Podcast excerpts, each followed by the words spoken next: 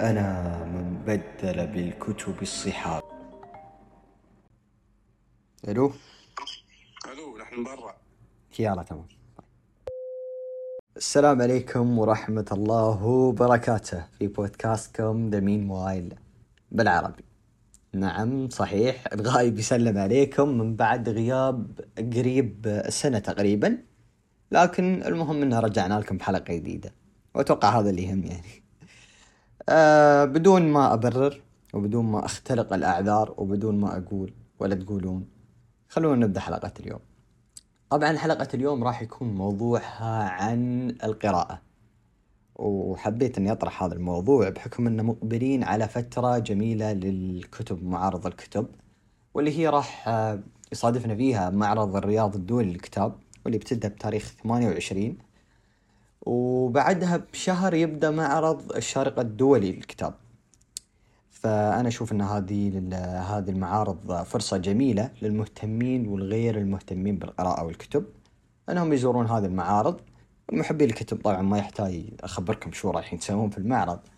أما للي ما يقرون أو مقصرين في موضوع القراءة آه، مجرد مجرد ما أنكم تدخلون تمشون بين الكتب وتشوفون الفعاليات اللي في هذه المعارض في احتمالية كبيرة أنكم تغيرون رأيكم. وأكيد يعني يمكنكم تغيرون رأيكم بعد هذه الحلقة. آه، عموما خلونا نبتدي بمحاور حلقتنا اليوم وبعدها نبدأ بالحلقة. راح نبتدي بالمحور الأول ألا وهو معنى القراءة اصطلاحا. ومن ثم يتليها لماذا نقرأ؟ وبعدين راح نتعرف على فوائد القراءة. وراح نذكر بعض النصائح اللي للي وده يقرأ أو إنه وده يطور من نفسه في القراءة. ومن ثم راح نتكلم عن الجهد المبذول في نشر القراءة. وبعدها راح ناخذ كم من رأي بخصوص موضوع حلقة اليوم. وبعدها بنكون جاهزين أن نختم الحلقة. محورنا الأول وهو القراءة. آه، القراءة بداية واصطلاحا هي عبارة عن قدرة الشخص على تمييز الأحرف الهجائية والربط بينها ومن ثم ترجمة هذه الأحرف إلى معاني إلى أن يوصل إلى فهم هذه المعاني للوصول إلى المعنى المرجو من النص المقروء. يعني مثلا كلمة دانا. من خلال النص نقدر نستوعب هل المقصود دانا اسم أو دانا اللي هي نوع من أنواع اللولو.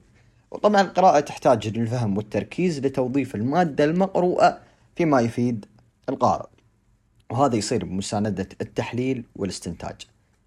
وأكيد القارئ عشان يفهم هذه المعاني يمر بمراحل كثيرة لأن القراءة تعتمد على المهارة اللغوية وعملية بصرية ونشاط فيزيائي وعصبي وعقلي وعاطفي أيضا. لكم تتخيلون أعزائي المستمعين كيف كلمة مثل القراءة تتكون من كل هذه المراحل. والقراءة أيضا نقدر نقول عنها هي عملية معرفية يتم من خلالها بناء معاني الكلمات ومن ثم فهم النص المكتوب وتعرف القراءة بأنها المعرفة السابقة بحيث أنك أثناء قرايتك لكتاب أو نص تكون أنت قاعد تستخدم معلوماتك السابقة لتنظيم أفكارك وفهم النص اللي قاعد تقرأه. وهذا يشمل قراءتك الكلمات اللي تكون مرت عليك من قبل فهذه الكلمات ما راح تواجه فيها أي مشكلة عكس الكلمات الجديدة اللي ممكن أنك تأتئ فيها المرة الأولى والثانية آه، لين ما تتعود عليها. والقراءة عندنا نوعين إما أنها تكون جهرية وهي يوم تقرأ بصوت مسموع والنوع الثاني اللي هي القراءة الصامتة وهي اللي تكون بالنظر بدون النطق بالكلمات. وبعدها تي الأنواع الثانوية من القراءة وعندنا مثل مثال عليها القراءة السريعة.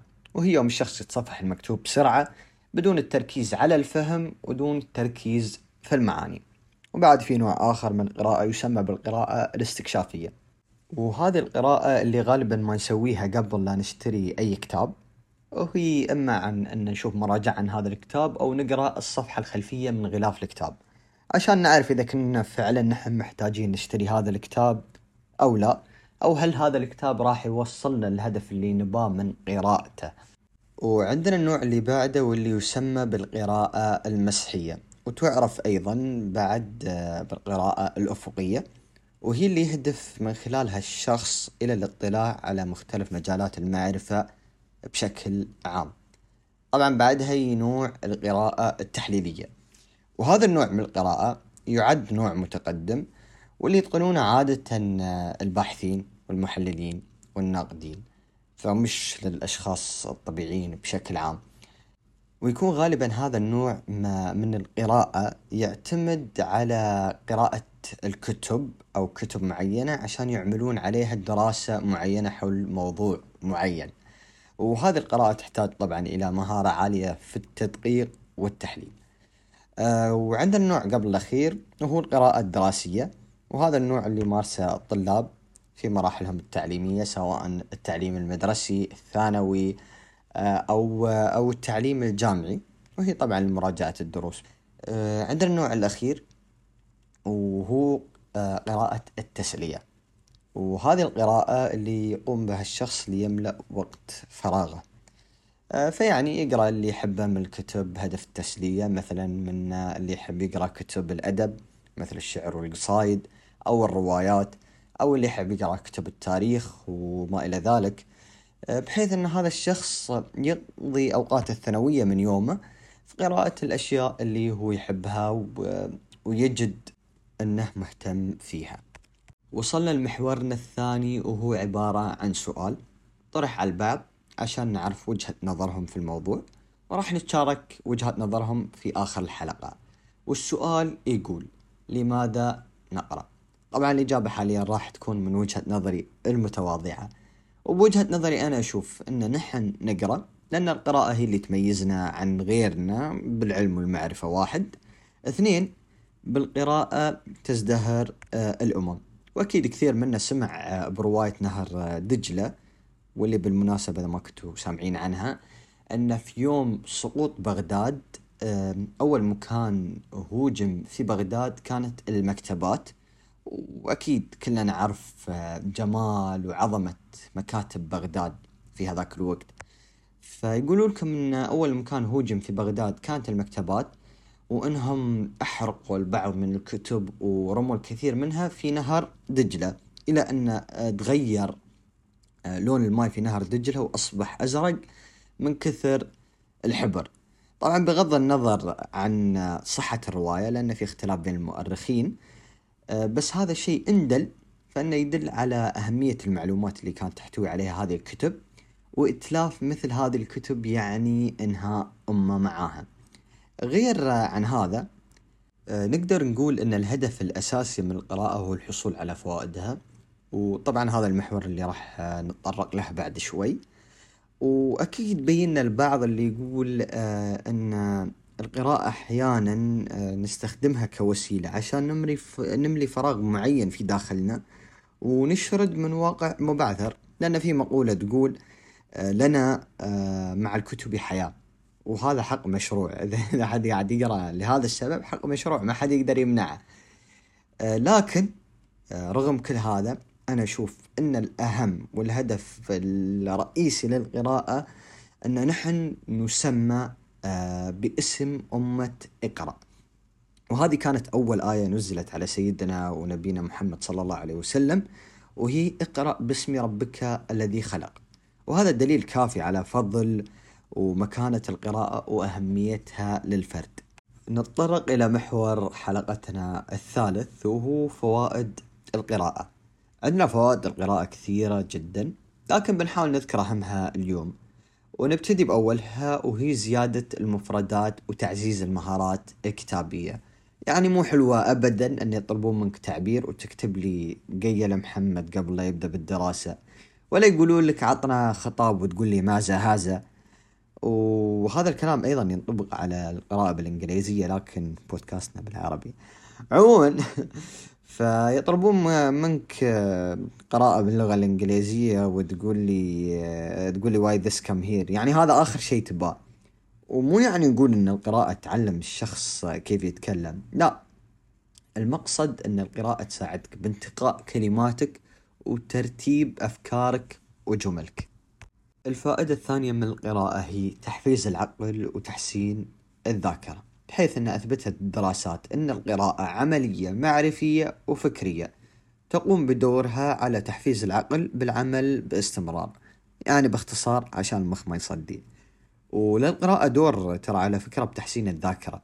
فمثلا يوم يقرأ الشخص رواية أو قصة أو حتى مقالة فهو لازم يتذكر شخصيات أحداث مسارات الحبكة في القصة أو الرواية.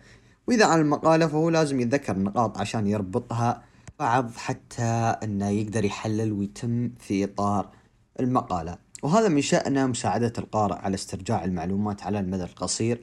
وهذا الشيء بدوره راح يساهم آه، بتطور الذاكرة بشكل كبير جدا. ثلاثة تنمية القدرة على التحليل والنقد وتنمية القدرة على التركيز. لأن مع الوقت وتعودك على القراءة راح توظف عندك مهارة التفكير آه، الناقد. وراح يتم من خلال ملاحظتك للتفاصيل اللي تقراها آه، بأنك تحدد وتقارن إذا ما كانت هذه التفاصيل كتبت ووصفت بطريقة لطيفة ومستزاغة لك كقارئ ولغيرك من القراء أو إذا قلنا عن القصة كيف كانت شخصياتها كيف كانت حبكتها. وهذا النوع من التفكير آه راح يفيدك في أكثر عن مجال في حياتك. وإذا تكلمنا عن التركيز فهو يوم تقرأ كتاب أو مقالة فإنك تصب كل تركيزك واهتمامك على اللي قاعد تقرأه وبهذا أنت راح تنمي عندك التركيز واللي راح ينعكس وتنعكس فائدته عليك في أمورك الثانية من خلال حياتك اليومية. الفائدة الرابعة وهي كسب المعرفة اكتشاف أمور جديدة وتطوير الذات. القراءة لها أهمية كبيرة في أنها تكسب الشخص المعلومات العامة آه، والمعلومات الجديدة والمفيدة. ولازم نذكر أن كل ما زادت معرفة الشخص كل ما كان قادر على أنه يواجه حياته ومصاعبها بطريقة أفضل. ومثل ما قلنا أنها تساعدنا باكتشاف أمور جديدة ما نكون نعرفها. وهذه الأمور يمكن تكون طرق أفضل لحل المشاكل أو تطوير الذات من خلال بناء الثقة بالنفس وتوسيع المدى الإدراكي بحكم زيادة المعرفة. خمسة آه، من فوائد القراءة كذلك أنها تعتبر مصدر للترفيه والتسلية بحيث أن كل منا له ذوقه ومزاجه باللي يقرأه منا اللي يحب يقرأ الروايات أو القصص البوليسية وغيرنا اللي يحب يقرأ في الأدب الكلاسيكي أو التاريخ وغيرنا اللي يحب يقرأ الشعر والقصايد مثل ما قلنا. وهذا بدوره ممكن إنه يقلل من التوتر وينمي عندك الخيال لأنك توظف خيالك في رسم الصور الشخصيات والأماكن اللي ممكن إنها تمر عليك من خلال القراءة. وأخيرا كلنا نتفق على إن القراءة غذاء للروح والعقل لأنها قادرة على إنها تجردك من الحواجز الزمنية والمكانية وتقدر إنها تعيشك مع الشخصيات حزنها وفرحها وتقدر أيضا أنها تاخذك إلى الماضي وترجعك إلى الحاضر أو يمكن أنها تطير بك إلى المستقبل. ولا مش قصدي أي مواد مخدرة. شباب وراي مستقبل. رجاء. ركزوا معي وغير أن القراءة ممكن أنها تساعدك في التواصل والمناقشة بشكل أفضل مع الناس وعلى الصعيد الشخصي القراءة فادتني بأنها أعطتني القدرة على تحليل ورؤية الصورة بشكل كامل بدلا عن وجهة نظر واحدة واللي هي ممكن تخليني أتسارع بقراراتي وأتخذ القرارات الغلط زين الحين يجوز إن حد يتساءل هل معقول إن القراءة ما لها أي أضرار؟ لا أكيد في لها أضرار ولازم نذكرها من باب الأنصاف. واحد آه، من أضرار الكتب آه، هو إجهاد العين وهذا يحصل إما عن طريق القراءة الإلكترونية أو عن طريق قراءة الكتب المكتوبة أو المطبوعة بخطوط صغيرة. بعدين لحظة وين المتعة إنكم تقرون من تابلت أو تلفون مع إني مهتم للبيئة لكن الكتب الورقية لها شعور ثاني وبعدين ليش ليش مزعجين بقضية الكتب الورقية أنها ضد البيئة؟ أشوف إنكم متحسسين من الموضوع لكنكم تشترون استروهات مصنوعة من الورق أو مصنوعة من الشير عادي الموضوع ما أثر فيكم ولا هذه ما تعتبر قضية بيئية يعني. بتقول لي لا هذه بدال البلاستيك عشان حياة السلاحف. زين وحياتي؟ حياتي ما تهمك؟ لا لا لا قول قول صارحني صارحني إن حياتي ما تهمك. عموما يعني اللي زعلان أتمنى إنكم حسيتوا. نقطتنا الثانية وهي ضياع الوقت. ممكن للكتب والقراءة أنها تكون مصدر لضياع الوقت. وتشغلك عن أشغالك وواجباتك وفروضك الدينية والدنيوية. والأفضل أنك تخصص وقت في يومك للقراءة. غير آه، إذا طبعا كنت آه، واثق أو كنت واثقين من أنها ما راح تشغلكم عن شيء وأنكم خلصتوا كل أموركم فهني تقدرون تقرون على راحتكم.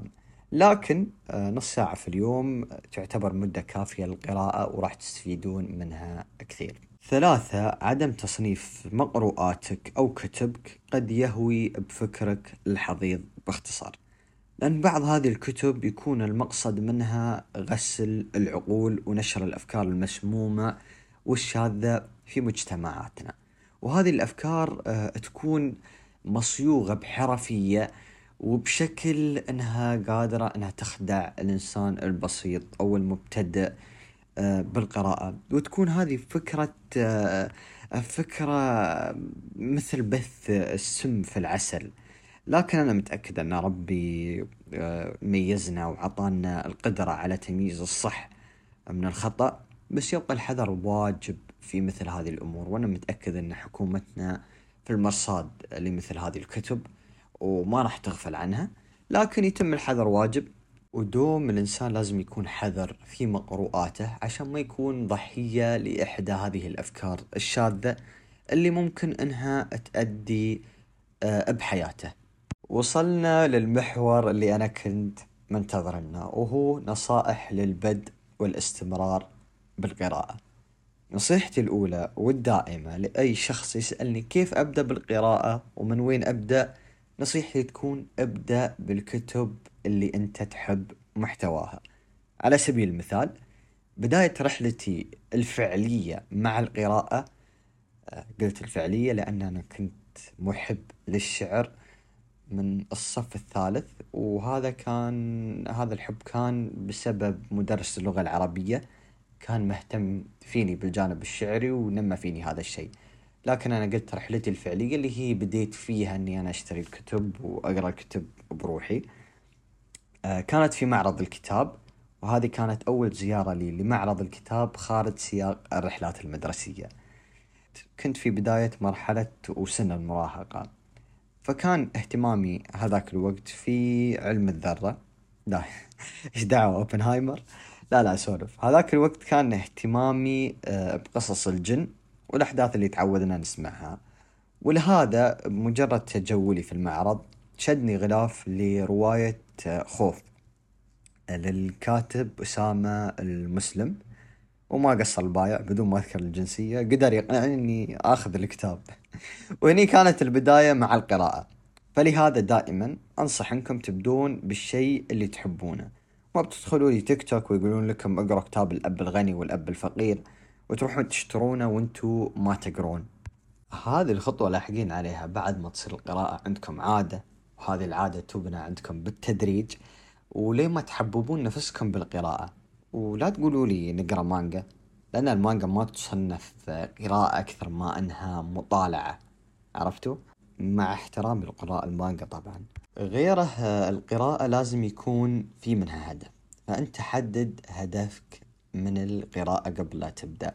يعني حتى إذا قلنا متعة ترى القراءة المتعة تعتبر هدف. أضيف اختاروا لكم بيئة مناسبة للقراءة. مو في نص عزيمة لمة جمعة. نلقاك كتاب وقاعد تقرأ. مع كامل أسفي لك راح تصير محتواهم في الجلسة. بغض النظر عن اللي قاعد تقراه بغض النظر عن الكتاب اللي ماسكنه أنت راح تصير المحتوى لهم. فحفاظا على مستقبلك القرائي لك مبلي تجنب هذا الشيء واختار لك بيئة مناسبة للقراءة. أربعة كونوا حذرين وانتو تختارون كتبكم وأتوقع وضحنا ليش سابقا. آه خمسة آه نصيحة للأمهات والآباء. بأنكم تهتمون وتغرسون حب القراءة في أبنائكم منذ الصغر. كيف؟ هذه عندكم سواء مسابقات بينهم سواء تشتروا لهم الكتب سواء تسوون أنشطة تفاعلية معاهم لكن هذه نصيحة مني لكم. آه، والنصيحة قبل الأخيرة اللي ممكن أوجهها آه، للي يقول أو إنه يشوف القراءة شيء صعب. ممكن إنه يبدأ بالكتب المسموعة أو الملخصات وهذا الشيء آه، ترى بدوره راح يشجعك على إنك تبدأ بالقراءة. ومن أكبر الأمثلة عندكم قناة آه، دوبامي كافين واللي قدم محتواها شخص سعودي قمة في الروعة آه، اسمه ناصر العقيل. فعلا خلاني أشتري أكثر عن كتاب من سرده وتلخيصه للكتب بأسلوبه الراقي. فأنا أنصح لأي شخص آه، يشوف أن القراءة شيء صعب عليه. يبتدي بقناة دوبامي كافيين ومع الوقت إن شاء الله راح يبدأ بأنه يشتري الكتب وراح يلاحظ هذا الاختلاف فيه وراح يتطور إلا أنه يستوي قارئ بإذن الله. أخيرا آه، في حد سمع المقولة اللي تقول ستجد الحب الحقيقي بين رفوف الكتب؟ ولا لا. لا يروح بالكم بأنكم في فيلم هندي وأنكم تلقون فارس أو فارسة أحلامكم هناك. ويشتغل سيناريو انكم تسحبون كتاب وتشوفون بعض من الطرف الثاني من الرف لا لا. أو انكم تدورون نفس الكتاب وتلقون آخر نسخة و... لا لا لا. أو انكم تداعمون و شو اللي تقرا وشو اللي لا لا لا. حركات بوليوود هذه ما تمشي. المقصد من هذه المقولة هو انكم بتلقون الكتاب اللي يمثلكم أو اللي يمثل لكم الحب بين رفوف الكتب. وأنا عشت هذه المقولة ولهذا أنصحكم بزيارة معارض الكتب أو المكتبات للتوضيح قصدي آه، المحتوى اللي تحبونه. قصدي في آه، الكتاب أو اللي يمثل لكم الحب هو المحتوى اللي تحبونه مش رواية عنتر وعبلة آه، تبغون تمسكونها علي؟ أنا أدري عشان حركة سيناريو بوليوود قبل شوي. تبغون تمسكونها علي صح؟ أخيرا وصلنا إلى محور الجهد المبذول في نشر القراءة حول العالم. آه قاعدين نشوف اهتمام من العالم كله في موضوع القراءة من مبادرات تشجيعية إلى معارض الكتب إلى المكتبات العامة إلى استخدام التكنولوجيا الحديثة في سبيل تطوير مجال القراءة والكتب. وتخيلوا رغم كل هذا أنكم آه، مو بقاعدين تخصصون جزء من وقتكم عشان تقرون. على هذا كله قاعدين يسوونه حق منو؟ يا أخي اقروا اقروا يمكن تستفيدون على الأقل. وعلى هذا السياق بما أن بدينا فيه خلني أبدأ بمجهود دولتي دولة الإمارات العربية المتحدة تجاه القراءة وأذكر لكم بعض هذه الجهود. واحد آه، عندنا سنويا يقيمون معرضين من أهم معارض الكتب على مستوى العالم. وهم معرض أبو ظبي الدولي للكتاب ومعرض الشارقة الدولي للكتاب. واللي بالمناسبة نذكركم أنه يبدأ الشهر الجاي تاريخ 31 أكتوبر. اثنين قامت دولة الإمارات بتخصيص شهر كامل للقراءة وهو شهر مارس من كل عام وهو مارش in case you were wondering. وتهدف الإمارات من هذا الشهر إلى زيادة الوعي وتعزيز الارتباط بين الشعب والقراءة. ثلاثة تحدي القراءة العربي. وهي إحدى مبادرات سمو الشيخ محمد بن راشد المكتوب نائب رئيس الدولة رئيس مجلس الوزراء حاكم دبي حفظه الله.